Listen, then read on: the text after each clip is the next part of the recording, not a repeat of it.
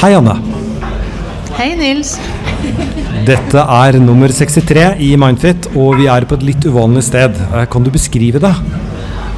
Vi er på Trondheim camping, og her driver de med minigolf bl.a.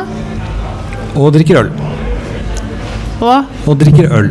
ja, Så- jeg, jeg drikker vann, da. Vi drikker vann, men det kan være at det kommer til å være litt sånn såkalt sorl rundt forbi når vi da skal svare på de vanlige to innsendte spørsmålene fra reelle, ordentlige mennesker. Eh, Men det er pakka. Vi er veldig glad for at Trondheim Camping inviterte oss hit, fordi vi prøver altså da å ha en live podkast. Vi har fått litt eh, kjeft for at vi tar det for gitt at folk vet hvem vi er, og det skal vi da bøte på. Janne, presenter deg selv. Jeg jobber som psykologspesialist og svarer på alle slags spørsmål som vi får av de Vi har jo fått masse forskjellige innsendte spørsmål. Og nå har vi jo sagt at vi skal svare på alle, men det klarer vi ikke lenger. Vi får utrolig mye forskjellige spørsmål, og jeg, jeg svarer jo på det meste om angst og depresjon, ulike typer Uh, utfordringer som folk har i, i livene sine. Og så har vi også noen innleide psykologer som hjelper til av og til. Angst er det jo mange som mener kommer til å gå foran kreft i folkelidelse. Altså, Ja. hvor, hvorfor får vi mer angst, egentlig? Hvorfor vi får mer angst nå? Ja, Jeg vet ikke om vi får mer angst nå, men jeg tror det er jo mer åpenhet rundt eh, type psykiske plager enn det det var før òg, da. Og så eh, tenker jeg ehm, at det er jo en del prestasjonsjag, da. Sånn at du ser jo at det øker med plager hos ungdom. Det gjør det. Men eh, samtidig ulike årsaker til det, altså. ja det, er, det er særlig blant unge kvinner som vi, vi ser en stor økning. eh, I hvert fall de da som går for å søke hjelp. Mens guttene kanskje ikke har kommet så langt ennå. Altså, det er jo mer sånn kanskje at jentene snakker om ting, og guttene fremdeles At det er litt mer for gutter å søke hjelp, da. Ja, og nå snakker jeg jo meg bort fra å avsløre at jeg har ingen utdannelse. Jeg er da den såkalte lekmannen, som egentlig da skal bare prøve å få Janne til å skinne mest mulig, og, og da stille henne relevante spørsmål, slik at hun svarer enda bedre på det som kommer inn. Jeg jobber da i et reklamebyrå til vanlig. Eh, Vi har to spørsmål. Som vanlig skal vi Vi har jo også fått litt eh, kritikk på at vi ikke sier hva de skal handle om. Sikkert for at da folk kan velge om de skal skru av eller ikke. Så vi har da blitt eh, avslørt der, så vi skal si hva det skal handle om. Det er en mann som har data en psykopat som trenger hjelp. Og vi skal snakke om blackout. Altså hvor, hvorfor kan man få blackout når man er på viktige møter? Og hva kan man gjøre for å liksom ikke få det? Det er de to spørsmålene som vi skal gjennom i dag. Men da tar jeg rett og slett og begynner. Er du klar? Ja. Hei, jeg er en mann i midten av 20-årene. I slutten av 2015 datet jeg en psykopat. Utviklet kort tid etter siste møte alvorlig depresjon og var følelsesnummen i ti måneder. Nå vet jeg veldig mye om psykopati, men opplever at få folk kan noe om riktig behandling etter en slik opplevelse. Har tenkt å ta opp EMDR-terapi etter å ha lest boken The Body Keeps the Score. Har ikke turt å snakke med psykolog om dette før nå, og føler meg klar for dette. Sliter med tillit til mennesker, litt sosial angst og skjelving i hender og rødming i fjeset rundt visse mennesker av samme kjønn som psykopaten. Har dere tips til behandling, og hvordan skal jeg gå fram? Ja, øh, Nå nevner han jo sjøl det her med EMDR, så jeg hadde tenkt å si litt om det. Eh, den boka han nevner som heter 'The Body Keeps the Score', eh, det handler om at sånn type reaksjoner du kan få Altså hvis du har Psykopati er jo på et vis eh, litt sånn folkemunne, så kan en jo kalle folk psykopater, men eh, egentlig så snakker vi jo om det å ha psykopatiske trekk, og mer en sånn type antisosial personlighetsforstyrrelse. da. Eh, og det som går igjen, eh, min erfaring er at mange som har vært utsatt for det enten i et forhold eller kanskje også som barn, har foreldre som har hatt de type plager, de eh, sliter med å bli trudd. Fordi en som har de her type psykopatiske trekkene, det gjør jo ganske mye for å Altså har jo et veldig sånn perfekt ytre, kanskje, sånn at det kan virke veldig vennlig og sjarmerende på folk som ikke er så nær dem. Og så kommer det vel mer frem eh, innenfor husets fire vegger, ikke sant. Eh, og da eh, er det sånn at også de som blir utsatt for de her folkene, de har litt problemer med å bli trodd, faktisk. Så jeg så en artikkel fra 2014 der det var ei som blitt intervjua som sa at hun var i hjelpeapparatet flere steder og fikk ikke, ble ikke trodd. Eh, det høres litt sånn for utrolig ut, det som en psykopat en som har så psykopatiske personlighetstrekk kan finne på. Jeg har flere spørsmål, men nummer én, hvor mange psykopater finnes det i prosent sånn cirka i, i, Norge? Nei, det tror jeg ikke vi Det kan jeg ikke svare på, Nils. Uh, og så er det jo også sånn at uh, en kan ha de her trekkene, ikke sant. Uh, noe som går igjen, er jo manglende Altså du har jo manglende empati eller innlevelse i andre folks plager. sånn som noen av de som jeg har møtt, de forteller at hvis de sjøl er lei seg for noe eller har opplevd noe fælt, så er det bare sånn tørk tårene dine. ikke sant? Det er ikke noe å skrike for. Det kan faktisk være rett etter en begravelse, det. Eh, men hvis de sjøl har opplevd noe utfordrende, så, eh, så, kan de jo ha mye empati med seg sjøl, for å si det sånn. Eh, folk som har de her plagene, søker jo ofte ikke hjelp. Så det er jo mer Altså hvis de søker hjelp, så er det jo for at kanskje de har fått noe alkoholproblem eller noe angst eller depresjon og kommer kanskje i en kort fase og søker hjelp, men de blir ofte ikke værende i terapi, for de skylder jo primært på andre. og øh, der, dermed så passer de jo ikke så godt til å gå i behandling der uh, søkelyset skal være på deg og hva du kan forandre med deg sjøl. Så de blir fort litt sånn frustrert i sånne situasjoner. Uh, men de som har vært utsatt for det, de, de sitter jo ofte igjen med ja, de har jo føler seg jo lurt. Altså, det er jo litt det som gjør at de havner i garnet òg. At alt var så veldig bra i starten. Altså sett at du møter sånn som han her har møtt en partner, da, så, så ser det veldig bra ut i starten. Og så, og så, begynner det å skurre, og så klarer du ikke helt å skjønne ikke sant, at, at, eh, at du overser litt de her signalene da, og håper kanskje litt. Du blir litt sånn som eh, til slutt nøyer deg med veldig lite. Eh, positivt og leve litt på hvor bra han var, han eller hun, i starten. Mm. Uh, og så går jo utover selvfølelsen. Det, uh, I etterkant at du Sånn som han her, han, han, sier at han har blitt litt sånn mistenksom, mistroisk til andre. Jeg, kan, jeg ser flere varianter. For at folk som har vært utsatt for det her, de kan også bli veldig sånn i angrepsposisjon, ikke sant ingen skal få kødd med meg igjen nå. Sånn at de, de, kan fort gå til angrep og føle at andre ikke vil dem vel. Eh, eller de kan ende med å bli en person som føler at alt er deres feil. Altså, mange som går til meg, kontinuerlig dårlig samvittighet for alt og alle. Og, og, hvis du vokste opp med det, hvis dette er mora di eller faren din, så, så sitter de også litt sånn i garnet. De, de, de, tenker kanskje at egentlig burde jeg bryte med denne uh, mammaen min eller pappaen min, men, men samtidig så, så, har de dårlig samvittighet for at den andre har spilt på samvittigheten. ikke sant? Så uh, det er vanskelig å komme seg ut av det her, og det er vanskelig å få hjelp med det. Ja, nettopp fordi det høres nesten litt for utrolig ut til å være sant noen ganger. Men tror du at uh, terapiformen EMDR kan hjelpe folk som har vært utsatt for dette? Ja, altså blant annet. Jeg vil også, Når det gjelder EMDR, som kanskje ikke alle Jeg har jo snakka om det før, så, så, tenkte jeg skulle gå litt sånn mer inn i hva gjør en egentlig da? Altså Det er en type bearbeidelsesbehandlingsmetode. Uh, og det som ofte skjer når folk har opplevd uh, belastninger, da, og, og gjerne har det vært traumatisk hvis du har vært sammen med en psykopat. Altså du har blitt krenka, det, har vært, det kan ha vært vold, ikke sant. Dette er jo folk som har problemer med frustrasjonsterskelen sin. Eh, så sitter du igjen eh, kanskje fremdeles i et sånn type reaksjonsmønster, sitter fast. Eh, kronisk kanskje negativ i selvvurderingene av deg sjøl. Kronisk på vakt, eller kronisk kanskje i en tilstand av å måtte fighte. Altså de går i sånn kampmodus kontinuerlig. Og så under EMDR da, så prøver en å finne de type kjernehendelser kanskje som har satt i gang det her reaksjonsmønsteret. Og så bruker han en de her øyebevegelsene eh, fra side til side. Eh, som forstyrrer Hvis du henter frem et minne i tankene dine og samtidig bruker de her øyebevegelsene, så går ubehaget i minnet ned. Uh, og det du gjør da, er at du, du, spør rundt disse situasjonene. ikke sant? La oss si han her, da, uh, som har blitt mest sannsynlig kritisert kanskje, eller krenka på ulike vis. Eh, så kan jeg spørre, eh, hva, hvis du nå tenker på alt som skjedde, hva er verst nå når du tenker på det? Ja, nei, det var typisk det å kalte meg altså for det, De med psykopatiske trekk er jo veldig glad i å sette merkelapper på andre, så det blir sånn Ja, du er jo en feiging, eller du er jo alltid så et eller annet. Altså Disse merkelappene kan være en typisk situasjon de trenger å bearbeide.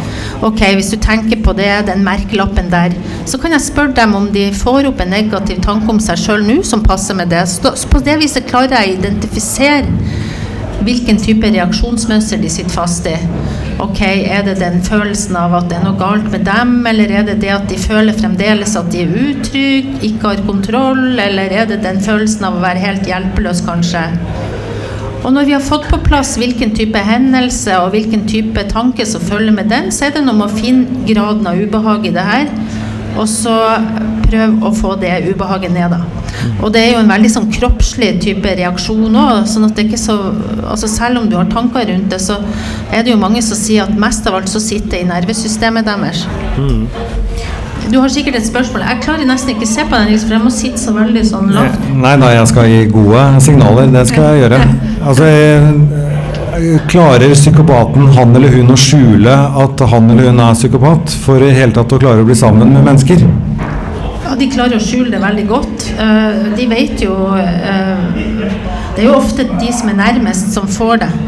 Så de andre ser ikke noe til det nødvendigvis. Men det er klart at de tåler jo ikke kritikk eller å bli uh, imotsatt. sånn at det kan jo bli konflikter på et arbeidssted, og det kan bli konflikter uh, i relasjoner med andre. Og det er jo ikke sånn at andre ikke ser det i det hele tatt. Men folk flest vil jo unngå og tør jo ikke konfrontere. De merker jo at det er vanskelig.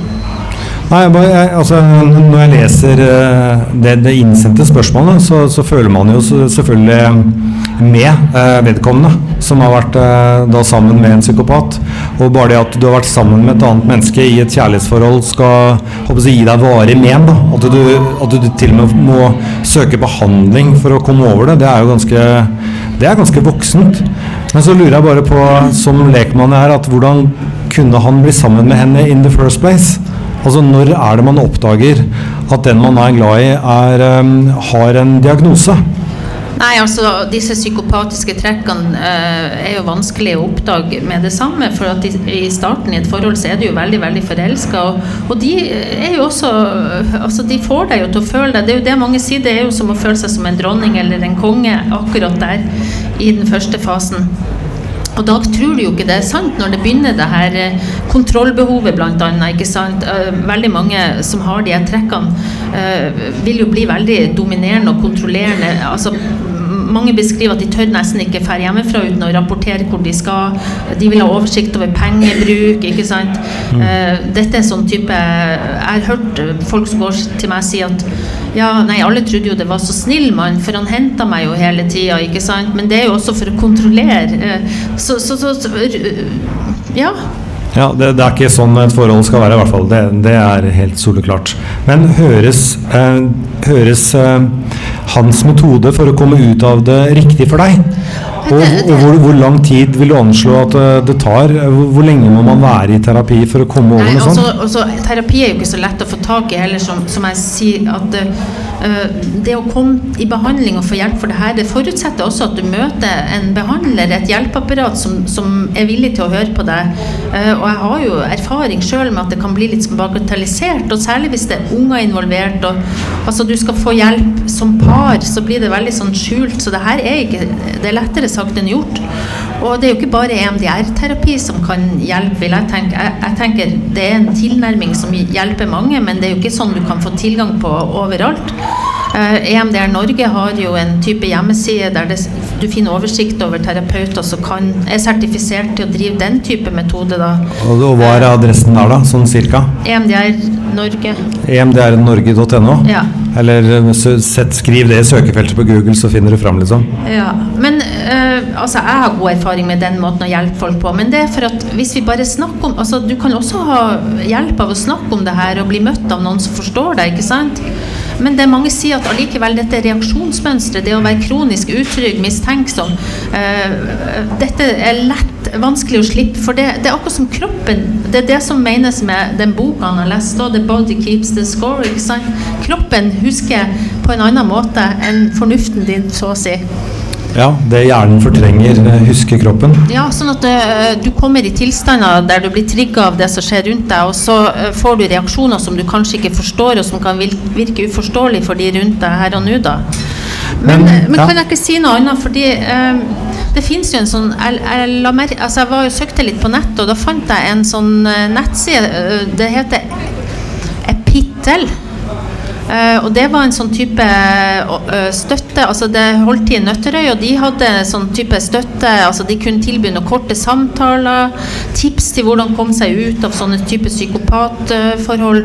Mest sannsynligvis er det vel noen uh, ildsjeler her som sjøl har uh, hatt erfaring med det. Og det kan jo være veldig mye støtte i å møte andre som har opplevd noe av det samme. Men uh, bare så jeg forstår det helt. Altså Psykopati eller personlighetsforstyrrelser, det er en ordentlig lidelse oppi hjernen, liksom? At det er en hva for noe? En lidelse? En, ja, en ordentlig lidelse. Altså en feilkobling? Jeg vet ikke om feilkobling eller ikke. for jeg tenker at eh, Hvis du følger historien til noen av de her som har de psykopatiske trekkene, så, så kan en jo spørre seg uh, altså Noe av det her som har skjedd dem igjen, uh, har jo kanskje gjort at de har uh, skrudd av følelser og, og, lært seg å overleve og ikke kjenne på ting sjøl, hvis du skjønner. Og En kan jo diskutere i det videre brede om du er født sånn eller om du blir sånn av miljøet. Og jeg tenker det er en kombinasjon, da. Mm.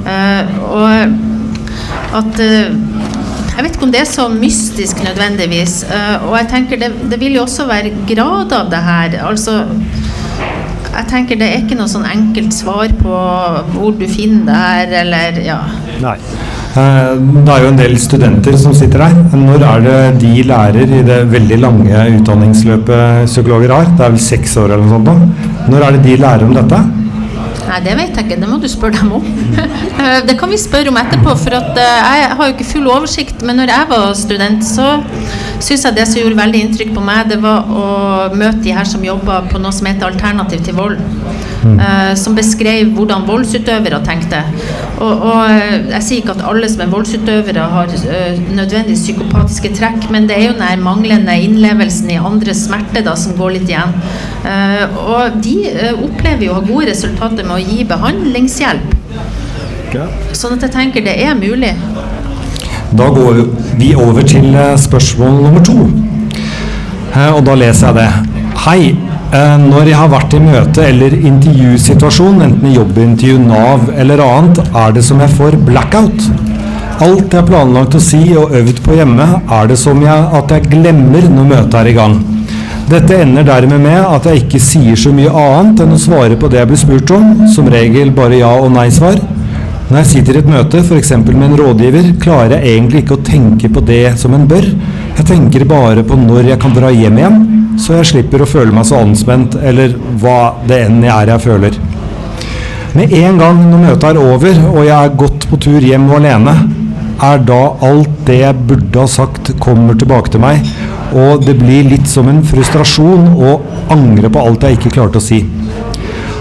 At jeg om mulig følte meg anspent, er sikkert grunnen til at jeg ikke klarte å fokusere på å si det jeg øvde på hjemme før disse møtene eller intervjuene. Men at jeg ikke sa mer enn prikk, prikk, prikk, bare ødela for meg. Spørsmålet er hvordan unngå å få blackout i en viktig møte- eller jobbintervjusituasjon som gjør at man ikke får sagt det man burde. Jeg går heller ikke til fastlegen, så det er bare å glemme å tipse om det. Jeg unngår helst òg skolerådgiver, selv om folk har sagt at jeg burde dra dit for å få hjelp angående eh, å få yrkes- eller studievalg. Jeg går for tiden verken på skole, jeg jobber ikke, siden jeg da har ødelagt hele livet mitt uh, i disse tullemøtene og disse intervjusituasjonene jeg rett og slett får blackout i. Så hva gjør man da? Og så det siste han skriver 'Jeg har sosiale evner lik null'. Uh, og det syns jeg er trist, fordi jeg tenker Eh, at denne personen eh, har gitt litt opp. da, Så han har endt med en slags unngåelse nå av alle sånne type situasjoner der han eh, er nødt til å bli intervjua eller snakke for seg viktige ting for hans framtid. Mm. og så tenker jeg at heldigvis, det vil jeg bare si sånn kort, og så finnes det jo hjelp å få uten at du er nødt å snakke nødvendigvis. Mm. Det er jo noe som heter altså, Det er noe som heter Helse Norge har laga en oversikt over digitale verktøy. Uh, og annet så har de jo nevnt uh, appen til meg og søstera mi, Mindfit. Uh, og det er jo en type Der kom som, den, ja. ja. jeg skal si litt om den, fordi det handler, no, det handler jo om å prøve å, å ikke falle for mye i de her negative tankerekkene om deg sjøl, da. Sånn som han her som tenker at eh, han har null sosiale evner. Det er jo ikke det beste utgangspunktet for å gå i et møte og snakke for seg. Eh, men blant annet der så, er det noe, så la jeg merke til at det var ett av de her terapiene som heter e-mestring. Uh, og det jeg forstår er at både her i Trondheim og i Bergen så er det bare å ta kontakt med Nidaros DP, så jeg vet ikke helt hvor det var i Bergen. Uh, og så kan du få type hjelp via nettet, faktisk. Det syns jeg er veldig bra. Uh, mm. Men jeg har erfaring med det kan jeg si, jeg har erfaring med folk som For det han beskriver, er jo et problem som mange har. Altså Det er angsten som gjør at det blir vanskelig. ikke sant? Jeg har erfaring med det. Folk som sier til meg at når det virkelig gjelder, så får de ikke til å uttrykke seg. Altså De skal til legen og forklare seg, men de, kommer, de går inn og, og, får ikke sagt noe av det de hadde tenkt, og så ut med den samme frustrasjonen. Sånn at jeg vil jo bare få sagt til han at uh, at han er i en type situasjon uh, der mange andre altså Han er ikke alene om det her. Uh, og han kan få jobba med å mestre denne angsten. Jeg skal si litt om hvordan jeg tror han kunne jobba med det. Gi litt tips, da. Ja. Uh, vi vet jo ikke om det er en han eller hun. Uh, det er også Nei. viktig å presisere her at vi ser ikke hvem som har skrevet inn. Det her er 100% anonymt, og noen ganger så skriver de ja. hvilket kjønn det er, men vedkommende gjorde det ikke ja. nå. Du pleier alltid å huske på det her, du. Ja, jeg gjør det. Ja. Forrige, forrige, var en han, men dette kan jo være en hund. Dette kan være en hund. Men en han, vedkommende har jo ikke Altså, jeg er enig med deg at det er litt Det kan virke som vedkommende på en måte har avskrevet seg fra verden ved bare å slå fast fast at eh, jeg klarer rett og slett ikke å fikse eh, verden som består av møter hvor jeg må prestere litt for å si noe om ambisjonene man har og hva man vil bli. Det blir bare mutte ja- og nei-svar. Og vedkommende havner sikkert da lenger og lenger ut i en eh, Nav-kø. Men vedkommende har da tross alt skrevet inn. Så, så det, det, er jo noe håp her. Jeg tenker Det er en evne til å uttrykke seg her uh, som også kan trenes opp. Det er det som er hele poenget mitt. For det som ofte skjer, er at du får en sånn ond sirkel. ikke sant? Uh, du har noen sånn katastrofetanker her. Litt sånn selvoppfyllende. 'Jeg har ikke mestra det før. Det kommer til å bli katastrofe.' Med de tankene i hodet så, så vil det jo settes i gang masse ubehag. ikke sant? Og du starter et, et sånn møte kanskje med å tenke at dette ikke kommer til å gå. Og, og, så er det sånn at mange driver med sånn type sikkerhetsatferd eller strategier for å takle det her. Og, og sånn som denne personen skriver òg, det her med å øve seg hjemme. Det, det, det, er jo bra å øve seg i forkant, ikke sant. Jeg har jo øvd meg litt i dag, det er jo bra. Men hvis jeg hadde stått og pugga alt jeg skulle si fra A til Å, så blir det fort en følelse av frustrasjon for at det blir ikke perfekt. ikke sant? Sånn at det kan bli for mye av det der med forberedelse. Og, og så sitter du der, og så får du ikke et ord ut av deg, og så syns du ikke det ble så bra som du hadde tenkt deg i forkant, og så, og så gir du litt sånn opp. Og det, det, det er noe med å prøve å få utfordra seg på et litt annet nivå. Altså, det går an og eksponere seg litt gradvis for det en er redd for òg. Jeg tenker kanskje det ligger en slags prestasjonsangst her, da. Mm. Uh, hvorfor ikke snakke med noen, kanskje også få seg hjelp til å, å, gradvis øve seg på å stå i en situasjon der en skal uh, prøve å forklare seg i et sånt møte. Og, og, da er det jo viktig at en har noe med seg av verktøy for å få til det. da. Jeg skal snakke om noen av de her verktøyene. Vi har jo snakka mye om de her verktøyene på podkasten vår, Nils. Mm. Men forstår jeg deg rett nå som vedkommende egentlig har noe som kan være så ufarlig som angst for møter? Fordi han eller hun vet jo hva man skal si når man går vekk fra situasjonen så er ikke det så lett som det. Ja, altså det, det, er ikke lett for folk som har angst. Da. Det må jeg få sagt. at dette, Jeg har erfaring med at folk er redd for å holde taler, folk er redd for å ta ordet på jobb eller på skolen. Og det kan bli helt sånn lammende. Uh, så det er ikke så lett. Uh, og jeg tror uh, det kan spre seg fordi du begynner å unngå ting, og så uh, kjenner du kanskje enda mer på ubrukelighet, og så kan du bli nedfor, ikke sant. det er noe med det her med hvilken historie en lager om seg sjøl. Det var det jeg skulle si litt om. Jeg syns det er så interessant fordi det er en norsk psykologistudent i Oslo som har forska på det her med ungdom og dette sårbarhet for depresjon. Og han snakker om det her med hvilken historie du har om deg sjøl, og hvordan det påvirker inn på eh, sjansen for å bli deprimert. da. Og han hadde intervjua omtrent 400 ungdommer og så at de som var sårbare for å få depresjon, de hadde ofte uh, mindre tilgang til positive minner. Uh, så hvis de ble spurt om f.eks. hva assosierer de med ordet glad, da kom ikke de på noe positivt. og så Da blir det jo litt sånn som kanskje for den innsenderen her òg, at mine sosiale evner er lik null. ikke sant? Og hvis du hadde spurt han eller hun ja, har du noe erfaring med at det har gått bra før, så klarer de ikke å finne frem de her situasjonene der det har gått bra. Uh, og, og, han uh, her studenten, og hva var han het igjen? Han heter uh, Ja, jeg tror han heter Asklund, ja. han fikk en artikkel inn i et sånn anerkjent tidsskrift nå i 2019. Han eh, påstår jo og mener jo at du kan trene opp denne evnen til å tenke mer positivt om deg sjøl, og det er jeg veldig enig i. Det var grunnen til at vi laga Mindfit. Eh, at jeg ser at mange av, av de som sliter med eh, med lav selvfølelse eller ulike utfordringer, de, de, får også et veldig sånn narrativ om seg sjøl som er veldig negativt. Og så klarer de ikke se uh, når de har fått til ting, fått ros, eller de klarer heller ikke kanskje å lage seg mål som er passe utfordrende. ikke sant? Sånn at det, det, blir for store mål, og så blir det litt sånn Hvis du ikke har fått det til én gang, så kanskje tenker du jeg er mislykka. Så, så, det her med å å, prøve å legge merke til det en faktisk får til. Og, og for, for, denne personen, hvorfor ikke ta med seg en ressurs inn i et sånt møte, istedenfor å bare tenke på det som er galt med meg, hvis du skjønner. Det er en stor forskjell på hvilken type tanke du har, tankesett du har når du går inn i en sånn situasjon. Hvis tankesettet er at jeg er mislykka eller jeg får det jo aldri til, så blir jo følelsen og det, sånn som du har det, prega veldig av det men la oss si at du i forkant har øvd deg på, uh, på å finne frem uh, en type Altså hvilken egenskap trenger du i denne situasjonen? Ja, du trenger jo å tro på deg sjøl. Eh, ok, går det an å finne noe i historien din der du har fått til noe, der du faktisk brukte den egenskapen?